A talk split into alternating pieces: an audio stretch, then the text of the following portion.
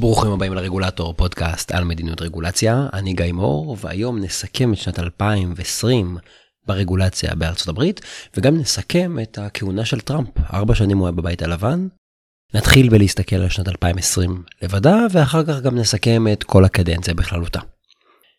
טוב, אז מה היה לנו בשנת 2020? תופעה אחת מאוד מאוד משמעותית ומאוד מאוד בולטת, היא רגולציית חצות. מה זה התופעה הזאת שנקראת רגולציית חצות? הרעיון הוא שלקראת סוף קדנציה, נשיא מכהן חושש שאולי הוא לא ייבחר שוב. ואם זאת קדנציה שנייה שלו, הוא יודע בוודאות שהוא לא ייבחר שוב, כי יש הגבלה של שתי קדנציות. ולכן בחודשי הכהונה האחרונים שלהם, נשיאים מנסים להעביר הרבה מאוד רגולציות. זה גם אולי קשור לנטייה לדחיינות, לחכות לרגע האחרון. עכשיו, המגמה הזאת עוד יותר מתעצמת אם בבחירות בנובמבר הנשיא המכהן הפסיד, אבל בארצות הברית הבחירות הן בנובמבר וההשבעה היא רק ב-20 לינואר, זאת אומרת יש לו בערך חודשיים וחצי עדיין במשרד. וזה מה שקרה עם טראמפ. הוא ידע, הוא הכחיש שהוא הפסיד עוד בנובמבר, אבל היה לו עוד זמן להעביר במרץ דברים ברגע האחרון. המונח חצות, כשאומרים רגולציית חצות, מתייחס לפרק הזמן שבין מועד הבחירות, המועד הזה בתחילת נובמבר, למועד ההשבעה ולחילופי השלטון ב-20 לינואר. אנחנו רואים שיש דחיסה אדירה כל פעם שמסתיימת כהונה לקראת סוף הקדנציה, ואם הנשיא הפסיד אז זה עובר לסדרי גודל אדירים של כמות הרגולציה שהם דוחסים שם. כמובן שהבעיה היא שהכמות גם אה, משפיעה על האיכות. כי כשמנסים להעביר הרבה מאוד רגולציה מהר, אז איכות הניתוח ירודה והתוצאות בהתאם. טראמפ ממש לא חריג בזה, גם נשיאים אחרים עשו בדיוק את אותו דבר כבר משהו כמו 50 שנים. הוא ניסה להעביר ברגע האחרון בעיקר שינויים של הקלות ברגולציה, למשל הקלות ברגולציה הסביבתית. וזה מביא אותנו לנקודה השנייה של סיכום 2020, שבמקום הפחתה, טראמפ דווקא הוסיף די הרבה רגולציה. נכון שסיפרו לכם שטראמפ ביטל וחתך ברגולציה והוא נלחם והוא עוצר וחוסם את הרגולציה? אז אם אנחנו מסתכלים על שנת 2020 זה לא בדיוק נכון.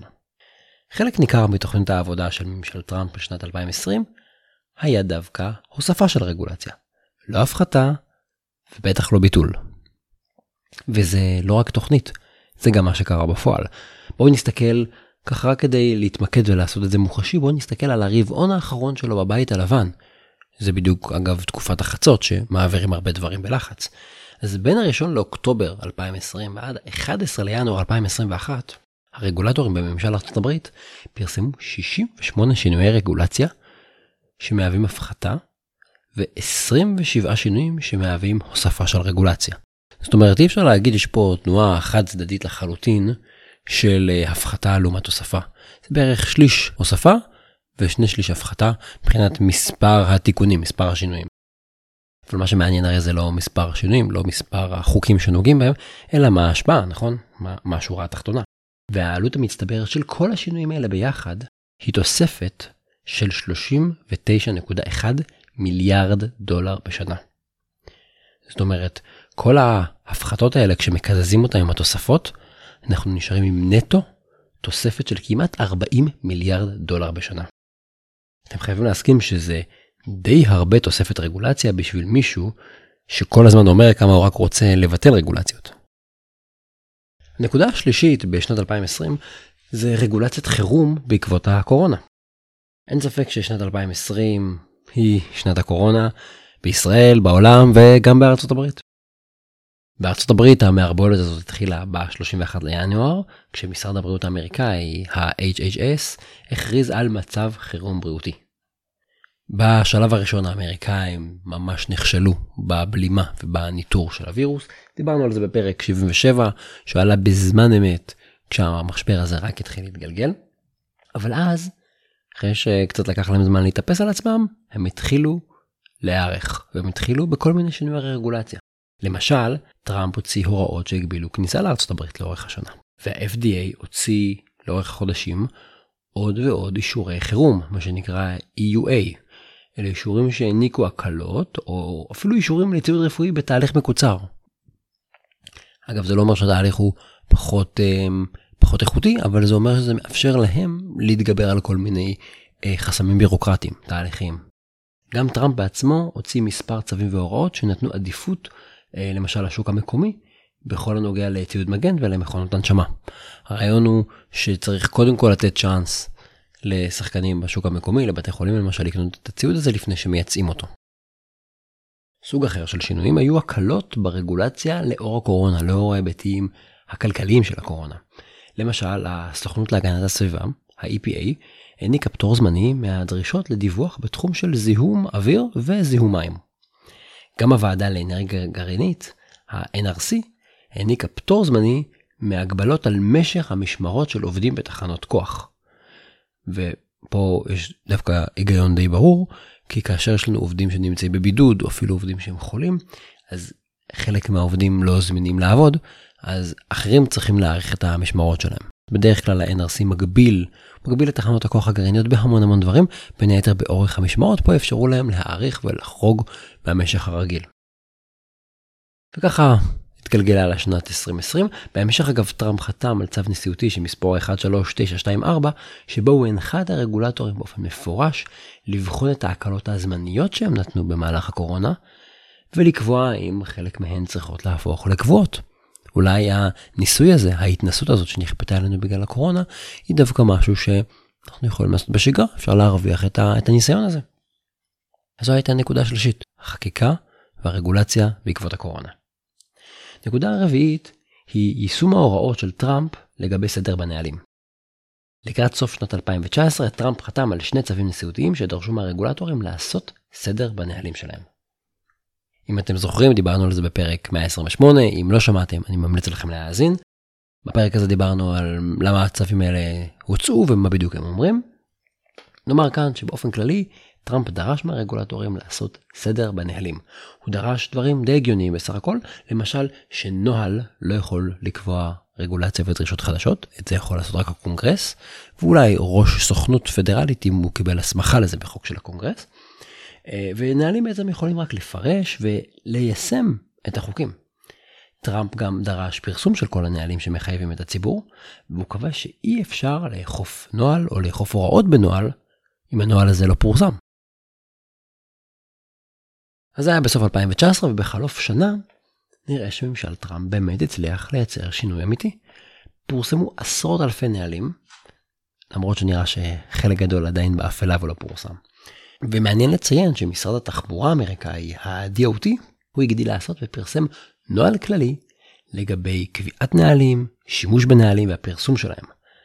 הנוהל הזה זכה לכינוי The Rule on Rules, כי הוא קובע איך ליצור את הנהלים, איך לפרסם אותם, איך אוכפים אותם, בעצם הסדיר את הסיפור הזה שהוא בדרך כלל מתנהג כמו ג'ונגל. עם זאת, צריך לומר ששני הצווים שנועדו לעשות סדר בנהלים שטראמפ קבע, הם בוטלו על ידי ג'ו ביידן ביום הראשון לכהונה שלו ב-20 לינואר 2020. ככה שההתקדמות שהושגה בתחום די נבלמה. לדעתי באופן אישי זה חבל, במיוחד כי הצווים האלה בכלל לא נוגדים את האג'נדה של ביידן. נקודה חמישית, המאבקים של טראמפ ושל הממשל שלו מול הרשתות החברתיות. לפני שנמשיך אני צריך לעשות לכם היכרות עם חוק בארצות הברית שנקרא Communication Decency Act וסעיף 230 שלו קובע שפלטפורמת אינטרנט למשל כמו פייסבוק או טוויטר היא לא אחראית לתוכן שהמשתמשים מפרסמים על גביה. מה הסיפור פה בעצם? החוק הזה הוא חוק שהגדיר הרבה מאוד מהמרחב הזה שנקרא אינטרנט, והוא עושה הבחנה בין פאבלישרס, גורמים שמפרסמים, למשל מוציא לאור של עיתון, לבין פלטפורמות. מה הכוונה? אם עיתון כמו ידיעות אחרונות מפרסם עכשיו משהו, כתב שם או מישהו שיש לו טור מפרסם שם משהו, הפרסום הזה פוגע למשל אז אפשר לתבוע כמובן את הבעל הטור או את הכתב, אבל אפשר גם לתבוע את העיתון, העיתון יש לו אחריות על התכנים שמתפרסמים בו. יש מערכת, יש עורך, יש מוציא לאור. לעומת זאת, פלטפורמות קיבלו חסינות מהסיפור הזה, כי הן לא עוברות על התכנים שמתפרסמים, הן לא שולטות על התכנים האלה, לכן אתם יכולים לתבוע רק את המפרסם של התוכן. אז זה מה שסעיף 230 עושה, הוא בעצם נותן הגנה על הפלטפורמות באינטרנט מפני תביעות, בעצם משחרר אותן מאחריות לתוכן שמתפרסם שם. שמעתם בחודשים האחרונים שכל מיני פוליטיקאים רפובליקנים בעיקר טענו שהרשתות החברתיות עצמן מוטות. כמובן שהרפובליקנים טוענים שהן מוטות לצד שמאל. והם טוענים שהחסינות הזאת מתביעות בעצם מאפשרת את ההטייה הזאת. כי טוויטר ופייסבוק לטענתן כן שולטות על התוכן וכן משפיעות עליו, אבל הם, יש להם את הכוח ואת הסמכות בלי האחריות. ולכן בחודש מאי 2020 טראמפ פרסם צו נשיאותי על הנושא הזה בדיוק, והצו הזה בעצם קרא להבהיר את גבולות ההגנה ואולי גם לשנות את החוק. כמובן שטראמפ הוא נשיא, הוא יושב בבית הלבן ברשות המבצעת, הוא לא יכול לשנות את החוק, אלא זה בסמכות הקונגרס, אבל הוא ביקש לעשות בחינה של הנושא הזה והוא ניסה לדחוף למהלך כזה. ובאמת היה הרבה רעש סביב הנושא הזה לאורך השנה, אבל לא קרה ממש כלום. הפרשנות שלי היא שטראמפ ידע שאין לו סיכוי פוליטי להעביר בקונגרס תיקון לסעיף 230, ולכן הוא לא באמת ניסה גם, בעיקר השתלח בהם באמצעי התקשורת. אבל אחרי שטראמפ הפסיד בבחירות, היה ברור שכל שינוי שהרגולטור על התקשורת, ה-FCC, יבצע, יבוטל ממילא ברגע שביידן ייכנס לבית הלבן. אגב, מה שהתברר כנכון, ולכן אפילו ברמת הרגולטור, לא ברמת החקיקה, אפילו ברמת ההנחיות, הנהלים, הם לא עשו כלום, כי הם הבינו שזה חסר טעם. בסופו של דבר, ב-2020 היה הרבה רעש תקשורתי, אבל לא היה שינוי ברגולציה הזאת. נקודה שישית ואחרונה היא הריכוך והמאבק שכן היה לדונלד טראמפ סביב הרגולציה הסביבתית. חוק בשם ה-NEPA מחייב כל רשות ממשלתית לבצע הערכה סביבתית על פרויקטים שהיא יוזמת. למשל הקמת uh, כביש או הקמה של החומה שטראמפ uh, מאוד מאוד רצה להקים בגבול מקסיקו. הרעיון פה הוא די הגיוני, זאת אומרת אם עושים פרויקט גדול עם חתימה סביבתית גדולה, ראוי שנעריך מראש את ההשפעות. אגב כמו שאנחנו אומרים כל הזמן שלפני שמעבירים חוק או רגולציה כדי שנדע מה ההשפעות שלהם. אבל מה שקרה לאורך 40 שנים האחרונות זה שהחובות של החוק הזה הלכו והחמירו בכל מיני דרכים של פרשנות והנחיות ונהלים ובעצם החובות הלכו ותפחו והרשויות הממשלתיות נדרשו לעשות עבודות יותר ארוכות ולהגיש יותר מסמכים ועוד ניתוח ועוד ניתוח ועוד נתון ועוד אנליזה ואפשר לראות את זה לפי ההתארכות של המסמכים שכל רשות ממשלתית צריכה לעשות כשהיא באה לעשות פרויקט. בשנת 2016 מסמך הערכה סביבתית כזה היה בממוצע באורך של 600 עמודים ולקח יותר מחמש שנים להכין אותו. כמובן שזה גם עולה כסף למשלמי המיסים, כל שעות העבודה האלה, וגם זה תוקע את הפרויקטים. מה שממשל טראמפ עשה היה בעצם רפורמה, שבעצם תפחית את הנטל הבירוקרטי שהממשל הטיל על עצמו בפרויקט, כשהוא בא לעשות פרויקטים כאלה. הם עשו תהליך של שינוי רגולציה והוגשו יותר ממיליון הערות מהציבור לגבי השינוי הזה. ממה שאני ראיתי ושוב זה הערכה אני לא עברתי על מיליון הערות אבל יש שם הרבה מאוד אה, התייחסויות של גופים סביבתיים שעמותות וארגונים סביבתיים שמה שהם עשו הם השתמשו באותם תזכירים סביבתיים כדי אה, לתקוע את הפרויקטים האלה אחר כך בבית משפט. השינוי הזה בעצם שממשל טראמפ עשה בצמצום הבירוקרטיה שהממשלה צריכה לעשות כשהיא עושה פרויקטים, זה השינוי המשמעותי הראשון בחוק הזה מאז 1986. ועכשיו, גדול, אחרי שהשינוי הזה עבר, הכדור בידיים של הרשויות הממשלתיות. הם עכשיו יעדכנו את נהלי העבודה שלהם בהתאם להקלה, ואולי בתקווה יהיו פרויקטים יותר זולים ויותר מהירים. אגב, טראמפ גם הצליח בחודשים האחרונים שלו בקדנציה לצמצם את הרגולציה הסביבתית בתחום המים, באופן שאפילו ביטל שינויים שבוצעו בתקופת אובמה. טוב, אז זאת הייתה שנת 2020, ראינו פה את הקורונה, ראינו את רגולציית החצות, ראינו את המאבקים של טראמפ. קודם כל צריך לעצור לפני שמסכמים את כל הכהונה שלו, ושאלה אחת שהיא באוויר כל הזמן, זה הפיל שבחדר. האם טראמפ באמת ביטל וצמצם המון רגולציה? גם במהלך הקמפיין שלו וגם כשהוא היה נשיא בבית הלבן, טראמפ כל הזמן אמר שהוא הולך לבטל רגולציות והוא חותך, ושהמהלכים שלו תורמים לשגשוג כלכלי בזכות כל הרגולציות שהוא חתך. אז מה היה שם בעצם? האמת צריכה להיאמר. לא הייתה כאן מהפכה של הפחתת רגולציה. טראמפ בהחלט נלחם עם הרבה מאוד גופים ועם הרבה מאוד רגולטורים. אבל הוא לא באמת הביא להפחתה המשמעותית שעליה הוא מדבר.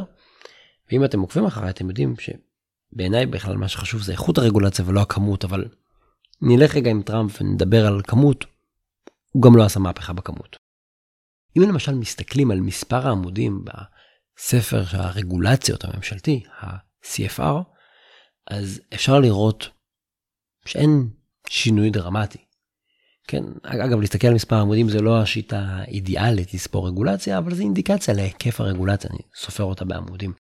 תראו, ב-2017 הייתה עלייה בהיקף הרגולציה במספר העמודים וגם ב-2019, כשבעצם רק בשנת 2018 אפשר לראות איזושהי ירידה במהלך הכהונה של טראמפ, אבל זאת ירידה מאוד מאוד קטנה, אנחנו מדברים פה על הפחתה של חצי אחוז ממספר העמודים, בעצם מתוך משהו כמו 180 אלף עמודים, הפחיתו 940. באחוזים זה כמעט שום דבר. ואגב, ההפחתה הזאת מתקזזת ונעלמת לגמרי מול יתר שנות הכהונה של טראמפ, שבהן מספר העמודים רק גדל וגדל וגדל. אגב, גם ההפחתה הזאת שבשנה אחת בכל הקדנציה הייתה ירידה של חצי אחוז, ירידה ממש קטנה אם משווים את טראמפ לנשיאים אחרים. למשל, אה, הנשיא רייגן, גם רפובליקני, בשנת 1985 הוא הצליח להפחית 5.3 אחוז ממספר העמודים בספר החוקים, זה פי 10 יותר מטראמפ. אפילו קלינטון שהוא דמוקרטי ואמור להיות בעד רגולציה, ב-1996 הוא הקטין את מספר העמודים בספר החוקים ב-4.4%. זאת אומרת, אין בכלל תחרות. טראמפ הוא כנראה לא כזה מפחיתן של רגולציה, הוא בעיקר צייצן מצטיין. מדד אחר אגב שאפשר לספור זה מספר הרגולציות המשמעותיות שנקבעו בתקופת הכהונה של טראמפ. הרעיון הוא בעצם שאנחנו סופרים כל שינוי, כל תיקון לחוק, בין הוא גדול או בין הוא קטן, אבל אנחנו סופרים רק את המשמעותיים. זו הגדרה אה, שנפוצה בארצות הברית. הרעיון הוא רגולציות שהעלות שלהן למשק היא יותר מ-100 מיליון דולר בשנה. זאת אומרת, רק שינויים מאוד מאוד גדולים. אז בהחלט עברו פחות רגולציות גדולות בכהונה שלו, אבל ככל שהזמן חלף והכהונה שלו התקדמה, עברו יותר ויותר רגולציות כבדות כאלה. ורק לשם ההשוואה, בשנה האחרונה של טראמפ בבית הלבן, עברו כמעט 130 רגולציות משמעותיות. לשם ההשוואה, בכהונה של אה, אובמה, בשנה האחרונה שלו, כל רגולציות החצות שתמיד משחילים דברים ברגע האחרון, הוא העביר פחות מ-100 רגולציות משמעותיות. זאת אומרת, קשה לומר שטראמפ הוא איזה מבטל רגולציות, מחצל רגולציות, זה לא כל כך קורה. צריך לומר את האמת, הוא צמצם רגולציות, והוא גם חסם חלק מזרם הרגולציות החדשות. אבל לא הייתה כאן איזה כהונה של דה-רגולציה אגרסיבית כמו שהוא ניסה נורא להפחיד את השמאל ושלהב את הימין. הוא היה פחות מאובמה, אבל לא מהפכן גדול. טוב, בואו רגע נסכם את הכהונה כולה, בואו ננסה להבין מהן המגמות הגדולות של הכהונה של טראמפ. קודם כל אמרתי, הוא לוחם ברגולציה, אבל הוא בוודאי לא ניצח את הרגולציה, הוא בוודאי לא ניצח את המערכת הרגולטורית.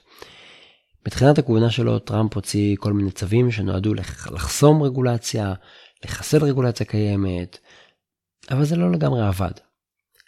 בשורה התחתונה, טראמפ הצליח לבטל רק 98 רגולציות, בעיקר סביבתיות. יש פער די גדול בין הרטוריקה שלו למעשים, ובין הניסיונות לבין ההישגים שלו. וכמו נשיאים אחרים, הוא העביר גם הרבה מאוד רגולציות. ושנת הכהונה האחרונה שלו, כמו שאמרתי קודם, עקפה בהרבה את שנת הכהונה האחרונה של נשיאים שקדמו לו. כנראה שזה גם בגלל הרגולציה סביב הקורונה, אבל לא רק. נקודה שנייה אצל טראמפ זה מינוי השופטים. ממשל טראמפ הצליח למנות שלושה שופטים לבית המשפט העליון, שזה כוח אדיר מתוך תשעה, והוא הצליח למנות עוד 223 שופטים לבתי משפט פדרליים אחרים. זה אומר שנכון לדצמבר 2019, זה רק אחרי שלוש שנים בתפקיד, ממשל טראמפ מינה 25% מהשופטים הפדרליים המכהנים. זה הישג מרשים, שעוד יהיו לו השפעות קדימה, כשדברים יגיעו לבית המשפט. נקודה שלישית לגבי כלל הכהונה של טראמפ, הוא העביר רפורמה מקיפה במערכת המס, העניקה הקלות בשיעורי המס וגם פישטה מאוד את התהליכים. נקודה רביעית, טראמפ הבטיח והצהיר ואמר שהוא יעשה את זה, אבל הוא לא הצליח לבטל את רפורמת הבריאות של אובמה, מה שכונה אובמה קר. זאת הבטחה מאוד מאוד גדולה שלו, שפשוט לא יושמה. נקודה חמישית, הרפורמה בענישה. נושא שכמעט כמעט לא מדברים עליו בישראל. זאת רפורמה עם הרבה מאוד סעיפים חשובים, למשל, צמצום הפער בענישה בין ענישה על החזקה ושימוש בקרק להחזקה ושימוש של קוקאין. ולמה זה חשוב? למה זה מעניין? כי למעשה אנחנו מדברים על אותו חומר. רק שקרק הוא הסם של העניים והשחורים, והענישה עליו תמיד הייתה יותר חמורה. שזה מוזר, נכון? כי אם זה אותו חומר מבחינה כימית, אז למה הענישה שונה? תחשבו לבד, למי יש השפעה, מי מקבל בדרך כלל תנאים יותר מועדפים. עוד צעדים בתוך הרפורמה של הענישה היה הפחתת עונשי המינימום על עבירות סמים, וגם הרחבה של מסלולי שחרור מוקדם אם אדם הורשע בעבירה לא אלימה. זה אגב קצת מוזר, כי בדרך כלל הסיפור הזה של אה, להיות אה, יותר אה, בעד שיקום ופחות ענישה מחמירה, זה דבר שיותר מאפיין את הדמוקרטים, פחות את הרפובליקנים. נקודה שישית, דיברו עליה המון, טראמפ פרש מהסכם פריז בעניין שינוי האקלים. נכתב המון על הנושא הזה, אבל אי אפשר לסכם את הכהונה של טראמפ בלי להזכיר את האנטגוניזם שלו לרגולציה סביבתית ולהסכם פריז בפרט. נקודה שביעית, טראמפ נכשל בהתמודדות עם הקורונה. אם מסתכלים על הנתונים רואים כמה אנשים נדבקו, רואים כמה אנשים מתו, רואים את הסגרים שפשוט הם בסגר ארוך אחד בחלק מהמדינות. אין מסקנה אחרת מזה שהממשל האמריקאי הגיב לא טוב ובמשך חצי שנה ראשונה הוא עשה פשוט רצף של טעויות קשות. קראתי באיזשהו מקום שאומרים שהוא עשה כל טעות אפשרית. התחיל בשלב הניטור הראשוני שדיברנו עליו בפרק 77 דרך חסימה של אה, רישוי ויבוא של מסכות מגן, הם נתנו, ניסו לתת הקלות שפשוט לא עזרו, וגם תהליכי רישוי החיסונים שלהם היו מאוד מאוד ארוכים ולא השתנו ולא הותאמו בזמן. אם דיברנו לפני שני פרקים על ניו זילנד, אז בהשוואה לניו זילנד אפשר לראות בבירור את הכישלון האמריקאי. 2020, שנה של כישלון רגולטורי בלהתמודד במשבר הקורונה. נקודה שמינית ואחרונה זה שטראמפ הקים זרוע חדשה בתוך צבא ארצות הברית. זאת נקודה שאני די בטוח שלא שמעתם עליה בשום מקום, בטח לא בעברית. טראמפ הקים את זרוע החלל. בינתיים זה לא לגמרי קשור לרגולציה, אבל לכו תדעו לאן זה ילך. טראמפ בעצם הקים את הזרוע השישית של הכוחות המזוינים של הברית. הפעם האחרונה שהוקמה הזרוע החדשה הייתה ב-1947 כשהקימו את חיל האוויר כזרוע נפרדת. אם אתם זוכרים, רק בשבוע שעבר דיברנו על האפשרות שתהיה רגולציה על החלל, אולי צריך שוטר שיאכוף את הרגולציה גם, אולי באמצעות זרוע צבאית בחלל אפשר יהיה לאכוף רגולציה כזאת. אם לא האזנתם לפרק של השבוע שעבר, אתם מוזמנים. אז אם נסכם את הכהונה של טראמפ, אני חושב שאפשר לומר שהוא עשה הרבה מאוד דברים, חלקם מתאימים לרפובליקנים, חלקם מתאימים לדמוקרטים, אמר הרבה יותר משעשה, היה מאוד אגרסיבי, יצר המון אנטגוניזם, פגע מאוד במעמד של הבית הלבן, של מוסד הנשיאות, של המפלגה הרפובליקנית. אבל בתחום הרגולציה, אנחנו בעיקר ראינו רטוריקה מאוד חריפה, כשבפועל השינויים שלו ניכרים, אבל הם לא דרמטיים כמו שהוא אמר. הוא בוודאי לא שינה את המערכת, בוודאי לא שינה את השיטה. זאת אומרת, כמעט כל דבר שהוא עשה, אפשר להחזיר לאחור. וזה אגב בערך מה שביידן עושה. אז בזה אנחנו מסכמים בעצם את הכהונה של טראמפ, והיום מסכמים את הסיקור של המעללים שלו בבית הלבן. אם מעניין אתכם להסתכל אחורה ולראות מה הוא עשה ומה אמרתי עליו בזמן אמת, אז קודם כל יש את אה, פרק 4, טראמפ עושה היסטוריה, שבו אה, דיברתי על הצו הנשיאותי הראשון שלו, מה דרמטי בו, מה סתם רוח וצלצולים. בפרק 16 סיכמתי את שנת הכהונה הראשונה שלו, ובפרק 42 סיכמתי את שנת הכהונה השנייה של טראמפ. אז אם מעניין אתכם קצת לראות מה אמרתי על טראמפ בזמן אמת, והאם זה היה נכון או התברר כשטות, אתם מוזמנים, פרק 4, פרק 16, פרק 42. זהו, תודה רבה. מקורות, לינקים ועוד פוסטים שקשורים לנושא תוכלו למצוא באתר האינטרנט רגולטור.אונליין. אני גיא מור, הפרקים משקפים את דעותיי בלבד.